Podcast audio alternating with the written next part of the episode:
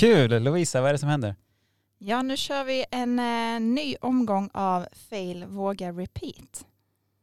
En liten podcast där vi eh, försöker oss på konststycket att eh, kommunicera eh, spontant och oförberett. Mm. Mycket av det vi gör från eh, Helsingborgs stad är ganska väl genomarbetat kommunikativt. Och det här är ett sätt att göra någonting annat. Så välkommen till det här spontana samtalsrummet och den här episodens gäster får introducera sig själva. Okej, Marcus Järnvilde eh, är här i staden eh, sedan några månader som och går under epitetet agil coach eller agil tomte eh, och försöker helt enkelt jobba med agila mindset. Mm. Vi ska återkomma till vad de där svåra orden betyder för Mm. någonting. Och mer? Caroline Wigren Kristoffersson som är i staden som inbäddad forskare med, på medel från Riksbankens jubileumsfond. Så annars är jag vid Ekonomihögskolan i Lund men här nu i två år och jag har varit här i ett år. All right. Det roliga är att båda ni kommer ju lite utifrån. Eh, men det är första gången ni träffar varandra, eller hur? Ja det tror jag. Mm. Ja. Och det är en liten medveten tanke vi gör att vi tussar ihop folk ibland och så ser vi vad som händer av det. Så om ni får fråga varandra vad ni vill i hela världen, vad skulle ni fråga varandra nu? Varför väljer du att vara agil coach? Oj, um, vart är whiteboarden och hur många timmar har vi? Ehm, ja, alltså i sin enklaste form så är det väl någonting som för stunden jag tycker är en bra grund att stå på. Och det kommer egentligen ifrån ehm, att jag på sätt och vis började som projektledare och misslyckades med ett antal olika projekt och tyckte att det måste finnas någonting som är ett bättre sätt att göra det på. Eh, Så där någonstans kommer jag ifrån. Och det är där jag är just nu. Så får vi se vart jag tar vägen imorgon. Var var du projektledare? Jag har varit det på många olika ställen men både som konsult och som anställd. Eh, Jag har hållit på i drygt 20 år med eh, någon typ av verksamhetsutveckling som har någon typ av IT-komponent oftast med sig. Eh, Så det har varit på många olika ställen så kan jag säga. Bra följdfråga Caroline. Du är van att ställa frågor Mm. som eh, forskare. Ställ fler frågor. Ehm, vad är din bakgrund innan du blev projektledare? Oj, ja alltså i grund och botten så återigen då så eh, läst akademiskt skolad inom informatik och ekonomi och sånt där blaj. Mm. Eh, började med systemutveckling som programmerare Mm. men ganska snart blev någon sorts projektledare i litet, litet format. Och sen så blev det stort format Mm. eh, och det blev stora, ja, både framgångar men också stora motgångar. Och det ledde för en, ja, kanske 10-12 år sedan någonstans där eh, vidare till att det finns andra principer och andra mekanismer som är viktigare än just alla projektledningens Mm. olika Mm. grundstenar. Mm. Det finns någon, något motsättande i projektledning och utveckling och innovation. Absolut. Mm. Eh, det är ju det det gör. Och där vill man ju ställa en följdfråga till dig Caroline. Vad menar du med det? Vad är det för motsättning? Alltså jag menar att projektet, då vill vi gärna ha den hela projektkartan och så vill vi liksom ha eh, planen. Men alltså, om vi planerar för mycket så är det ju mycket som vi missar på vägen. Och då har vi gått över till att tänka på det agila sättet och testa i liten skala och utvärdera och prototypa och så vidare. Och på något sätt så betyder det att projektkartan måste vara väldigt eh, flexibel flexibel. Precis. Och sen så är jag också nyfiken på en sak. eh, eh, Det är kanske är en dum fråga, men jag gillar dumma frågor. Vad har det för betydelse vart man kommer ifrån? Men jag hade en annan tanke. Jag Mm. undrade om det var så att det fanns en koppling till eh, Astu.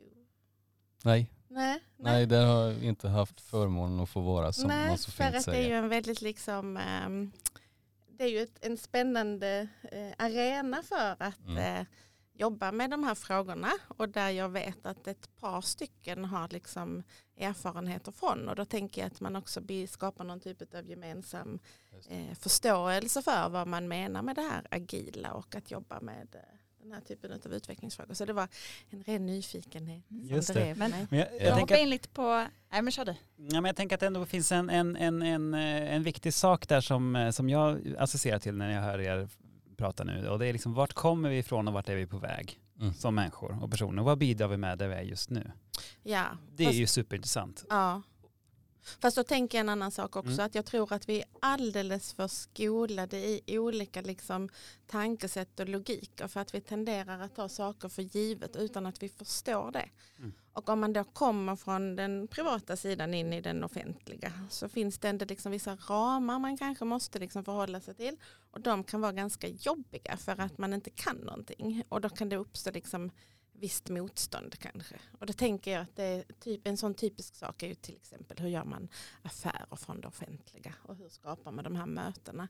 Och, och, och därför finns det också någonting som man måste vara väldigt försiktig eller verkligen liksom vara observant på så att man får bästa förutsättningar till att göra det bästa av de möjligheter man har från det offentliga.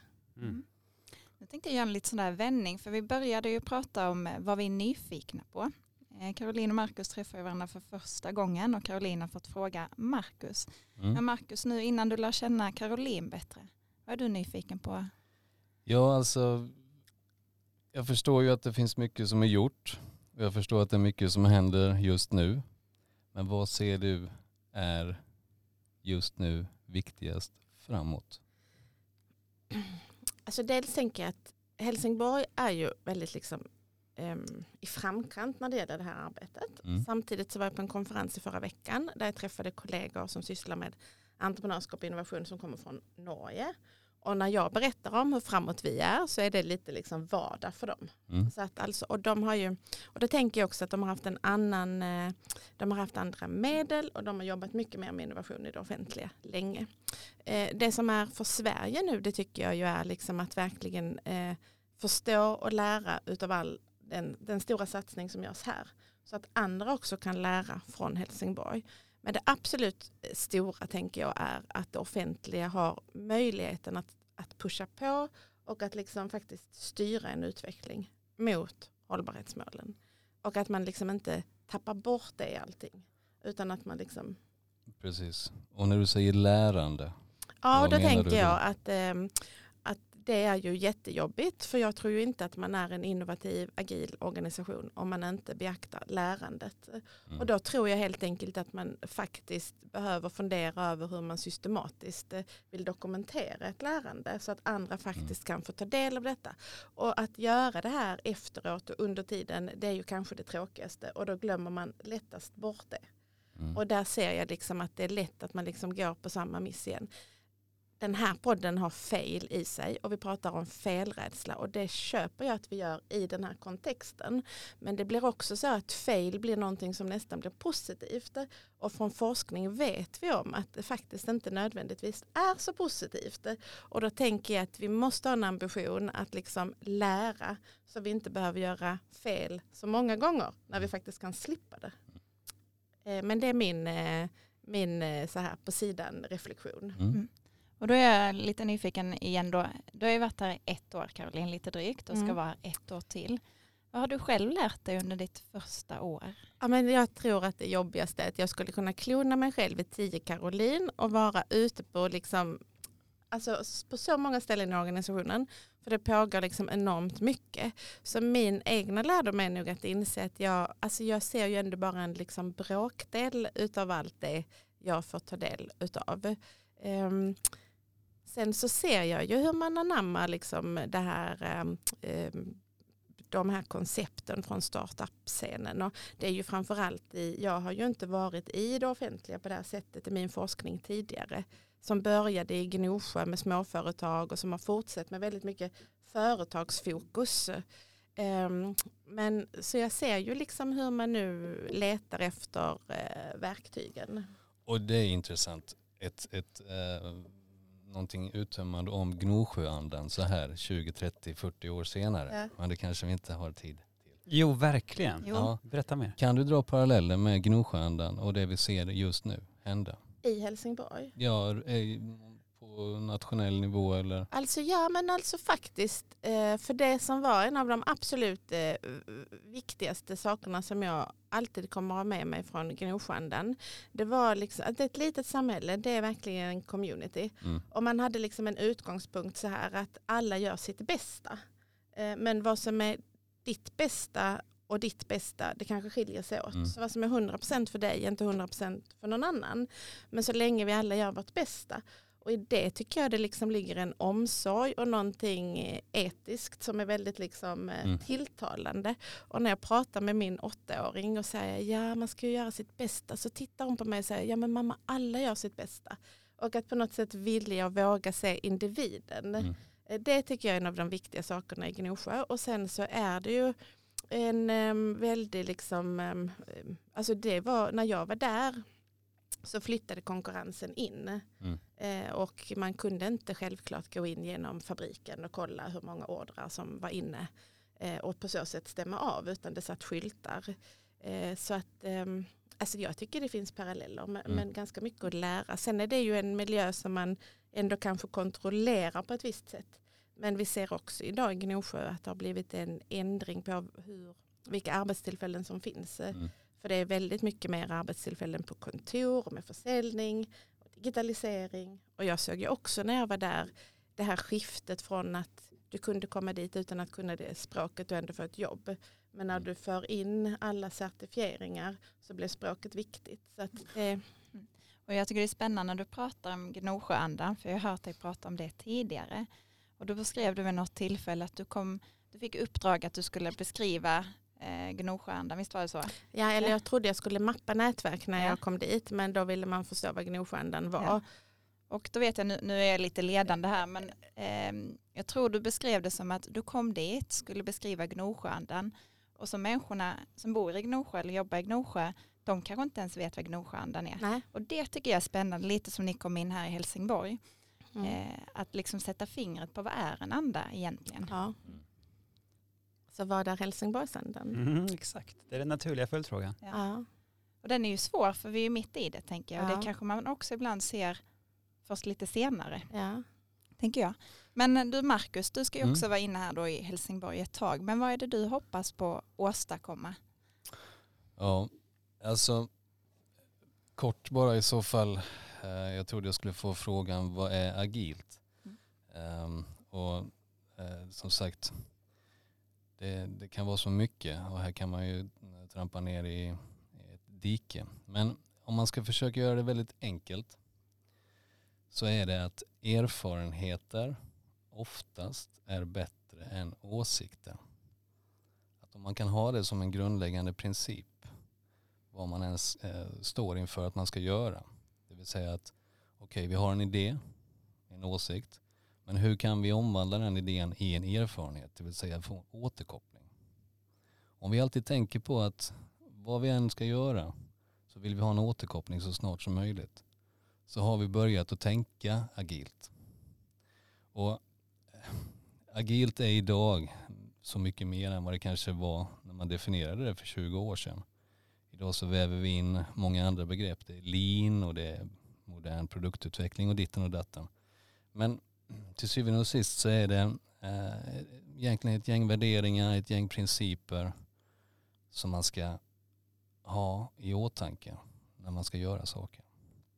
Och ju mer man tränar på att ta de här olika perspektiven, ta de här värderingarna och, och principerna till sig inför det arbetet som man just nu ska göra, då blir man till slut då kanske agil. Och, och värdet med att vara agil, ja det är ju helt enkelt att man, ehm, man vill bilda sig mycket erfarenheter. Och ett, att visa upp någonting som man har gjort och få ett ja, ja det är ju ett tecken på att nu är vi på väg åt rätt håll. Att visa upp någonting man har gjort och få ett nej är ju jättebra. För då vet man att då ska vi inte göra något mer innan vi vet vad vi ska göra istället. Så det är ju en, en, eh, på sätt och vis en självläkande eh, process att vara agil i mångt och mycket. Till skillnad från till exempel kanske klassisk projektledning där man sätter ett mål långt fram i tiden och sen kollar man först långt fram i tiden om man har nått dit. Det kan ju vara mycket tid som går åt till att eh, göra fel saker då. Eh, så frågan, eh, vad eh, önskar jag? Ja, i den mån eh, jag har rätt att önska någonting så, så tycker jag att eh, om, om vi kan föra in fler perspektiv i vårt dagliga arbete och fundera på vad det är som är just nu bättre att göra framför vad som kanske är sämre att göra. Givet olika perspektiv. Så, så har vi påbörjat någonting som, som är bra. Mm. Då har jag egentligen en fråga till er båda två. Alltså, varför tror ni att ni är här i Helsingborg just precis nu? Jag tror att jag är här för att eh, Ehm, en kollega, Kristina Soric och Magnus Ydmark såg en jättestor möjlighet att faktiskt söka medel från Riksbankens jubileumsfond för att ha en inbäddad forskare. Och Magnus hade varit sugen på det ganska länge, att ha någon som kom in. Vi hade tidigare pratat om om man skulle kunna ha någon doktorand eller så. Och det tänker jag att de hade ett stort intresse för lärandet. Ehm, och sen ehm, så, så utlystes den här tjänsten och jag hade eh, och sökte den och hade möjlighet att få komma hit. Så jag är ju här för att jag tänker att här ligger en jätteviktig liksom eh, del utav eh, hur vi ska kunna jobba med innovation i alltså den roll det offentliga har. Men så tycker jag också det är spännande det du sa för i Lund så jobbar vi med upplevelsebaserad pedagogik mm. och då så vill vi att studenterna ska alltså ta agera och det är ju därför vi undervisar entreprenörskap. För vi vet att de kanske inte startar företag direkt när de är färdiga med sin utbildning. Men de gör det kanske när de är 40 år och då har de några verktyg som de har med sig. Men den viktiga biten i den upplevelsebaserade pedagogiken det är att dra nytta av forskning som finns och liksom vad vi kan om detta. Så vi vill ju hela tiden att de reflekterar i förhållande till vissa alltså koncept eller teorier och på så sätt lär. Alltså, och därefter kommer lärandet. Så det finns ganska mycket gemensamt mellan ditt sätt att tänka och hur vi undervisar nere i Lund. Mm. Men sen tänkte jag också på det du sa, för vi har en, en entreprenörskapsforskare som heter Sara Sarasvati och som kom fram med det här konceptet eller vissa vill kalla det teorin effektuering. Att ibland tenderar vi att missa liksom, vad är det för medel vi har och vad skulle vi kunna göra med det. Och istället liksom så planerar vi och bortser från vad vi faktiskt har. Och hon gör jämförelsen mellan då den här mer traditionella planeringen och effektuering med att om man följer ett recept när man lagar mat och går och handlar maten och går hem och lagar den. Då är det väldigt mycket ett traditionellt planeringsperspektiv. Men om man tittar vad har vi ja, i kylen, vad skulle jag kunna göra? Ah, pasta med pesto. Och så lagar man mat utifrån vad man har. Och ibland när vi är ute efter det här väldigt disruptiva så kanske vi missar de lägre hängande frukterna av vad vi faktiskt kan göra och som kan bli väldigt eh, eh, bra på sikt. Eh, så det var några reflektioner när du pratade. Mm. Mm. Vill du också ge något konkret exempel på det du jobbar, alltså det här tänkesättet fast i någonting du gör just nu då, här på Works till exempel? Ja, absolut. Um, och vi har ju jobbat um, i två team kan jag väl säga här då med att just eh, börja fundera på sättet vi arbetar. Finns det någonting vi kan göra bättre? Och är det någonting vi ska sluta göra kanske helt och hållet för att det upplevs som sämre? Så att givet de erfarenheterna vi har redan nu, vad är de eh, olika alternativen vi har istället kanske? Och då är det inte att vi ska göra allt annorlunda på en och samma gång.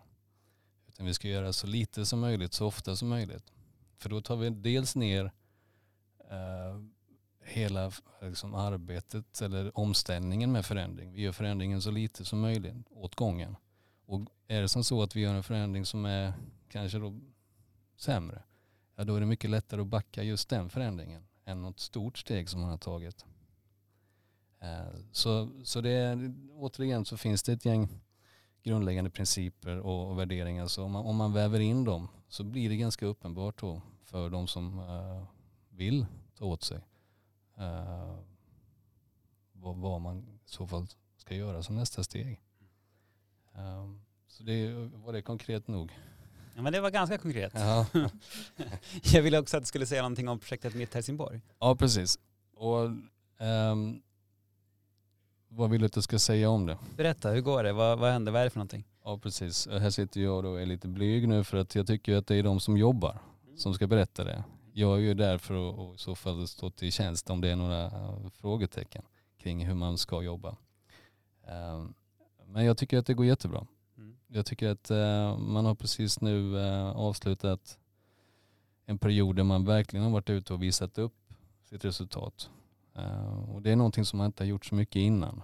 Och, eh, nu när man visar upp det och får både bra, mestadels bra respons men även då ett antal ja men kanske så här så blir man väldigt, själv, väldigt eh, tacksam då själv när man, man får bekräftelse på det man har gjort. Det är liksom en sån inneboende kraft i det. Och just nu sitter det en person på ett pendeltåg mellan Lund och Malmö och lyssnar på det här och bara vadå mitt Helsingborg? Vad är det för något? Kort. Um, mitt Helsingborg är ett försök att ta, ta en del av den här ständiga dialogen och interaktionen mellan invånare och kommun. eh, som vi idag löser på många olika sätt. Antingen att man kommer in på ett kommunkontor eller kontaktcenter eller att man ringer in, att man mejlar. Eh, man försöker ta en del av det där och omvandla det till till exempel då ett, eh, en chatt i det här fallet. Att du kan lösa dina problem konversationellt som det kallas. Eh, Men in, i- kanske via en chatt istället för att ringa in eller mejla in. Så mitt Helsingborg är en, eh, en första ett först, en, för- en beta, att, beta om vi vet vad det är. Det är ett första sätt att närma sig eh, den här interaktionen som sker fast på ett annat sätt. Ett digitalt sätt. Mm. Caroline, har du hört om det förut? Ehm, Får du några tankar, fr- frågor som dyker upp? Nej. Nej det är ju ingenting Nej. som är unikt. Det sker Nej. ju på många andra ställen och eh, Helsingborg känner här nu att här har vi någonting antagligen. Mm. Mm. För det har ju testats lite grann tidigare med, med chattbottar och lite så här. Och det här Mm. är väl en vidareutveckling av det tänket. Du pratade om konventionella eh, gränssnitt och sådär. Ja, precis. Och, och det är ju, som sagt det viktiga här det är ju att se responsen. Är det här någonting som invånarna vill? Vill de hellre kanske i vissa fall chatta sig in i kommunen än att ringa sig in i kommunen så att säga? Och även vice versa. Vill kommunen sköta dialogen med invånarna på det här sättet i vissa fall? Jag tycker Ja. det är jättespännande. Igår hade, jag har just nu en kurs i Lund som heter Social Innovation med mycket internationella studenter. Och eh, från, eh, i, i förra veckan fick de en uppgift att eh, fundera över hur staden skulle kunna jobba med Urban Living Labs. Och igår presenterade de åtta stycken grupper. Mm. Eh, fyra stycken jobbade med eh, eh, eh, planteringen och fyra med Mariastaden. Och så var Samir där. Och så sitter det en student och säger att eh, ja, vi funderar på den här, eh, alltså att man skulle kunna använda den här lokala valutan. Och så säger Samir, men var kommer ni ifrån? Ja, men den här valutan har vi i Singapore, så den skulle vi kunna ha. Så det var en fantastisk dag. Studenterna var superduktiga och Samir var jätteglad. Och Mm. just att hitta de här liksom olika mötes sätten där eh, det digitala ju är ett och där den fysiska labbet i stadsdelen kanske är ett. Så att, eh, jag tycker bara det är spännande. Just det. Och Samir är alltså en kollega här i staden. Precis. Ja. Ja.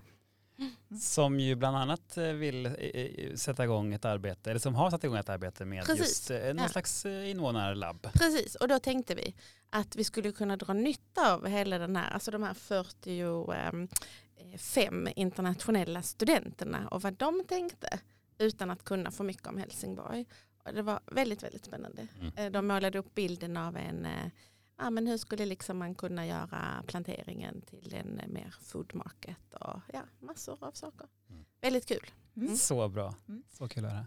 Du Caroline, du ska ju vara här ett tag som sagt och när du är färdig så ska du lämna efter dig någonting väldigt konkret. Kan du inte berätta mer om ditt arbete med insiktsrapporterna? Ja men då tänkte jag att om jag är här och eh, då vill man ju vara lite nyttig och det är väldigt lätt att inte känna sig så nyttig alltid som forskare så då vill jag skriva ett antal mer populärvetenskapliga texter som vi kallar insiktsrapporter. För de som kanske är nyfikna och vill lära sig någonting mer både i staden och eh, utanför staden. Och sånt som jag tänker att eh, ja, det blir ju det, det här är ju också någonting att, att eh, alltså det finns ju olika sätt att förmedla insikter på. Men där är vi kanske lite traditionella som forskare och tycker att de skrivna rapporterna ändå är en skriven rapport. Och den andra nu kommer handla om just eh, hur man eh, gör affärer. Alltså upphandlingen som känns jättejobbig och tråkig och vilka olika liksom, metoder finns det att använda för att kunna arbeta med innovation genom upphandling där man har oerhört mycket makt som det offentliga att styra. Men här tänker jag då, en, en fråga jag ofta får när jag jobbar i kommunen och när man träffar kanske kollegor från andra kommuner och sådär. Det är att jaha okej men ni gör massa grejer. Men hur kom ni på att göra just det här? Och här undrar jag också lite nu till exempel med rapporterna du skriver. Hur kommer du på vad du ska skriva om? Men det gör jag i en dialog för att om man inte är intresserad av det jag gör så kommer det inte ha, spela någon roll. Mm. Så då pratar jag ju med, eh, med min eh, chef Mikael och jag pratar liksom med Mikko lite om vad är det som är spännande och vad är det liksom man kanske vill, vill eh, ha gjort fram till H22 också som lite dokumenterar den här eh, resan som Helsingborgs stad är på. Marcus, känner du till eh, rapporterna? Rapporten som finns? Nej. Nej, Så att va- vart kan du hitta den någonstans? Ja, Berätta. den, det ligger under en flik på intranätet som heter innovation. Mm. Och jag har pratat nu, vi har pratat på morgonen här om att vad ska vi kunna göra någonting mer så att vi liksom får ut det här på olika sätt. Ehm, För, för den är ju också jätteintressant och den är också väldigt svår. För jag tycker att när vi pratar om lärande så är ju en nyckel också att vi sprider lärandet så att det inte stannar mm. eh, till exempel här inne på HBG Works eller om du sitter på ditt kontor och pratar med Mm. kollegor och så vidare. Så hur ska vi göra då för att få igång de här större rörelserna där fler tar del av eh, erfarenheter och lärande? Jag tänker också att det handlar ju, och det kommer säkert komma med den förändringsresa staden är på, men det kommer att komma med gränsgångarna, de som förflyttar sig mellan i olika kontexter och i olika miljöer. Tror jag. Just det, det tror jag. För att om jag ska svara på samma fråga, vad kommer jag att lämna efter mig? Så, så är mitt jobb mycket lättare. Jag kommer inte lämna någon rapport efter mig och det är nog tur för jag är inte forskare. Men eh, vi tränar dagligen nu istället på att göra saker kanske bättre snarare än sämre jämfört med innan. Och det, är det, som, det, det är den träningen som är hela vinsten. Att om det är någon annan som, om jag inte är kvar så har ju det laget som har tränat tillsammans fortfarande de här erfarenheterna med sig och kan ta dem vidare. Som du säger, lite Ja. gränsöverskridande kanske. Och då tänker jag att det man hade kunnat gjort om man hade velat, det hade varit att de här lagen hade liksom kunnat ha ett tiotal frågor eh, som de svarar på. Och efter er resa tillsammans skulle man kunna svara på samma frågor Mm. för att se liksom om mindset har liksom ändrats. Mm. Och sådana studier gör vi ju liksom med våra entreprenörskapsstudenter Mm. och eh, mäter före och efter för att se vad gör vi av det här. Eh, för att det är väldigt liksom, eh, det är svårt att greppa det men vi skulle Precis. ju kunna fundera Exakt. på att göra det. Absolut, och, Ja. det, och det är också en, en viktig, säger ju agil princip då för den, den råkar vara agil men den finns på flera andra ställen också. Men just den principen att vi regelbundet stannar upp och tittar på vad vi har gjort Mm. och funderar på vad var det som var bra? Mm. Vad var det som, vad ska vi fortsätta göra? Vad ska vi kanske sluta göra? Mm. Gör ju att man ständigt förbättrar sig. Mm. Det kallas retrospektiv för den som är eh, nyfiken på det. Eh, och det ska man ju göra så ofta man kan eller åtminstone kanske väldigt regelbundet. Det känns som att vi inte kan ha det här samtalet utan att slänga in ordet innovation. Så jag slänger in det så ser vi vad som händer med det. Mm. Låt det brisera. Mm. Innovation, innovation är härligt eh, och lite svårt. Vad tycker du? Ja, Men jag hade ju förmånen att få jobba med en professor som heter Bengt Johannesson där vi skrev en bok om radikala entreprenörer.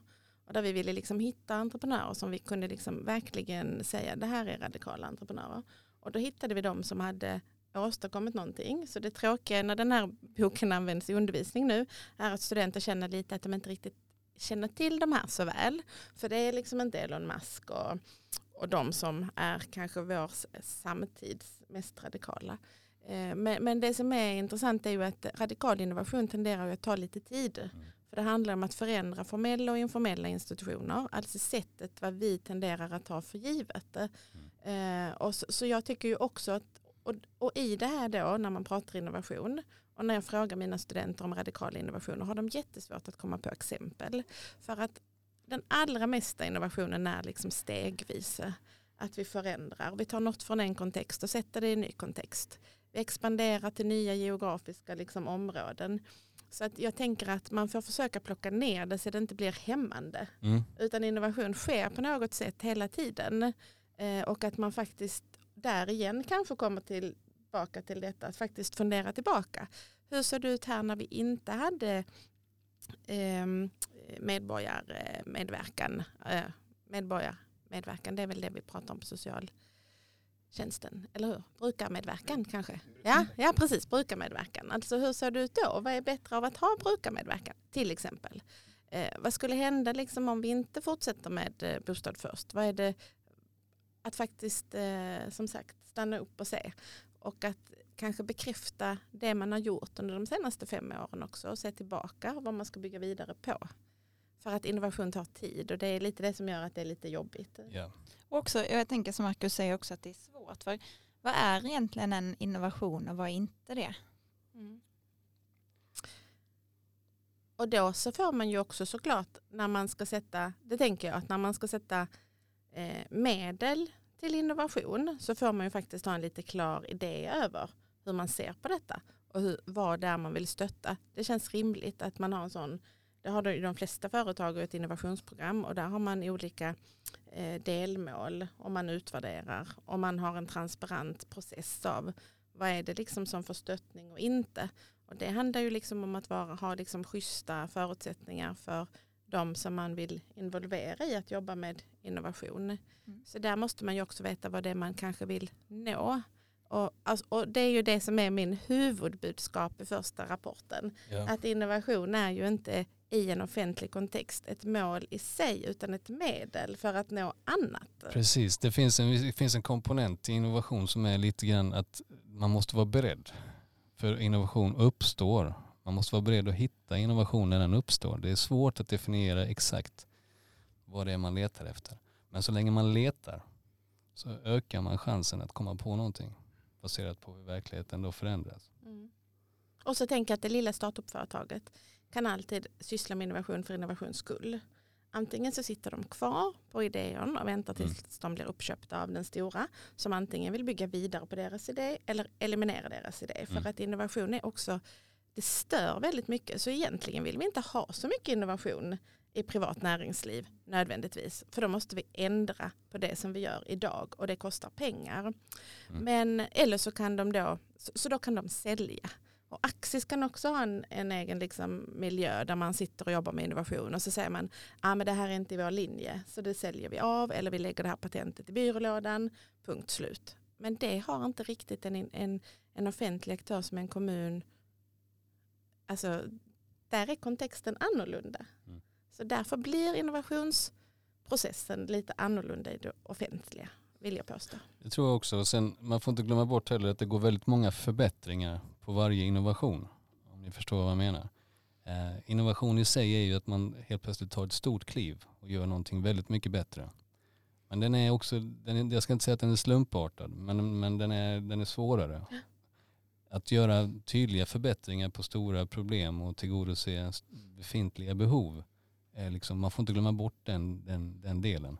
Och i den delen så kan det också uppstå innovation. Hörni, det här ordet får liksom singla ner här inne i, i poddstudion. Eh, Den här pendlaren från Lund som gick på tåget eh, har kommit fram till Malmö och är på väg till sin destination och kliver strax in i hissen och kommer inte kunna lyssna på podden eh, mer. Så vi behöver avrunda det här på ett bra sätt. Mm. Så vad är våran check ut-fråga? Jag skulle vilja föreslå, hur känns det nu efter att ha pratat om det här en stund? Vad, är liksom, vad måste vi hinna med att skicka med till den här lyssnaren nu? Ja, men jag tycker nog att tänk vad spännande när man hamnar i sammanhang med personer man inte känner. Och så kan man då tänka att ah, men vad har jag gemensamt, vad har vi gemensamt? Och så har man massor gemensamt. Och att det, det är ju så hela tiden. Hur får du dig att känna? Väldigt glad såklart. Mm. Och också det här att det är ju det man kanske inte alltid tar, tar sig tid till. Eh, Men, men eh, det finns ju många möjligheter till spännande samtal och alltså, utvecklingsmöjligheter. Ja precis, vi hade kanske en, olika åsikter om vad det här skulle vara idag. Nu har vi en erfarenhet. Nu, nu är det det här som liksom är verkligheten. Så det är väl slutordet. Erfarenheter är oftast bra.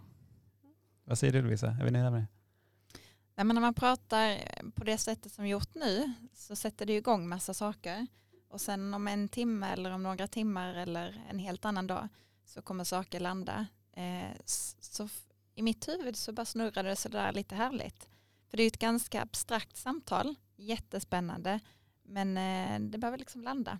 Men det som jag tar med mig som jag nog tycker är allra starkaste, det är det ni redan är inne på. Eh, det handlar ju om på något sätt att kasta ut sig i nya erfarenheter och träffa andra människor. Eh, det tror jag mycket på. Och du som har lyssnat och eh, går in i hissen nu i Malmö eller sitter i en kontorsstol eller gör någonting annat, du kan komma i kontakt med oss eh, hbgworks.helsingborg.se om du vill fråga saker. Och innan du lägger på tänkte jag säga Tommy, du får ju också göra din eh, utcheckning. Ja, men jag tycker det känns, eh, det som ni båda gör, tycker jag, för mig, och det som jag känner mig lite så, mm, lite, lite liksom eh, stärkt av, det är att du Marcus ger mig någon slags leg legitimitet eh, i det jag har ägnat mig åt utan använt ordet liksom agil eller sådär. Mm. Att det här med att erfarenheter eh, knäcker åsikter. Att försöka hetsa, liksom, mm. Eh, Sami till exempel, som, som ett exempel på ett projekt, att sen, vi måste bara göra det här och vi måste skaffa oss erfarenheter snabbt. Liksom, innan vi planerar ihjäl det här. Så det tycker jag är att det blir stärkt av och att det blir stärkt av dig också som kommer med det här liksom, större perspektivet på något sätt och berätta vad vi egentligen håller på med. Det tycker jag är oerhört stärkande. Så jag känner mig mm, rakryggad när jag trycker på eh, knappen nu för slutvinjetten. Hörni, tack så mycket. Tack, tack så mycket.